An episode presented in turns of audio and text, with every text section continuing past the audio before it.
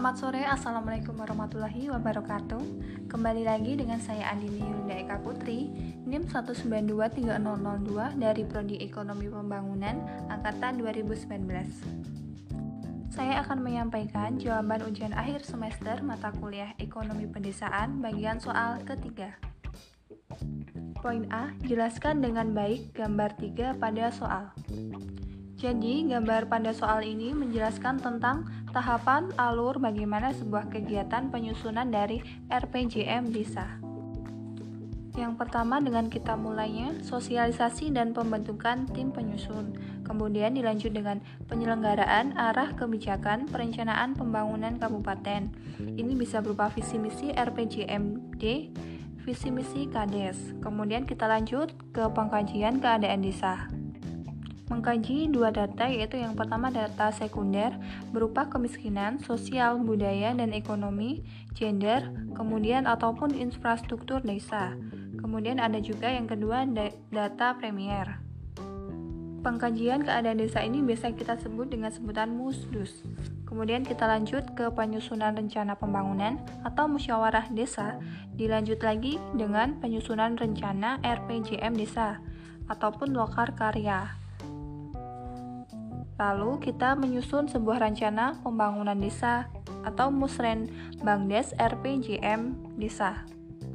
Nah, empat tahapan tadi sudah diatur dalam Undang-Undang 25 tahun 2004, kemudian Undang-Undang Nomor 6 tahun 2014, PP Nomor 43 tahun 2014, kemudian Permendagri Nomor 114 tahun 2014 dan Permendagri Nomor 3 tahun 2014.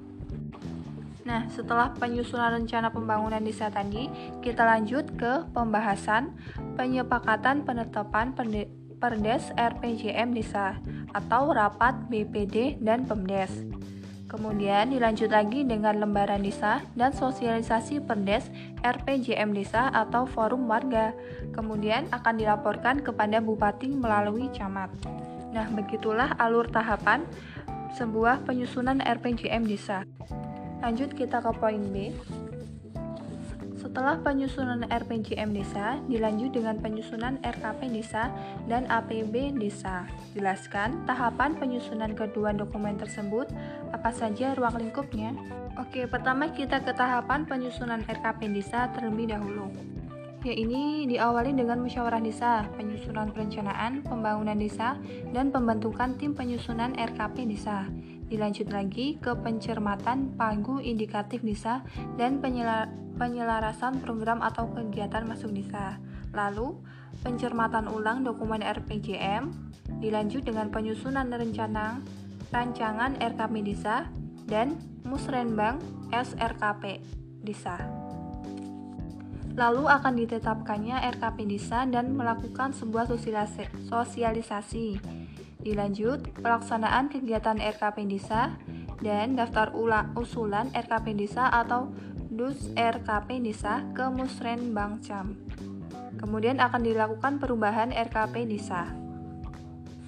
Lanjut kita ke tahapan penyusunan APP APP Desa.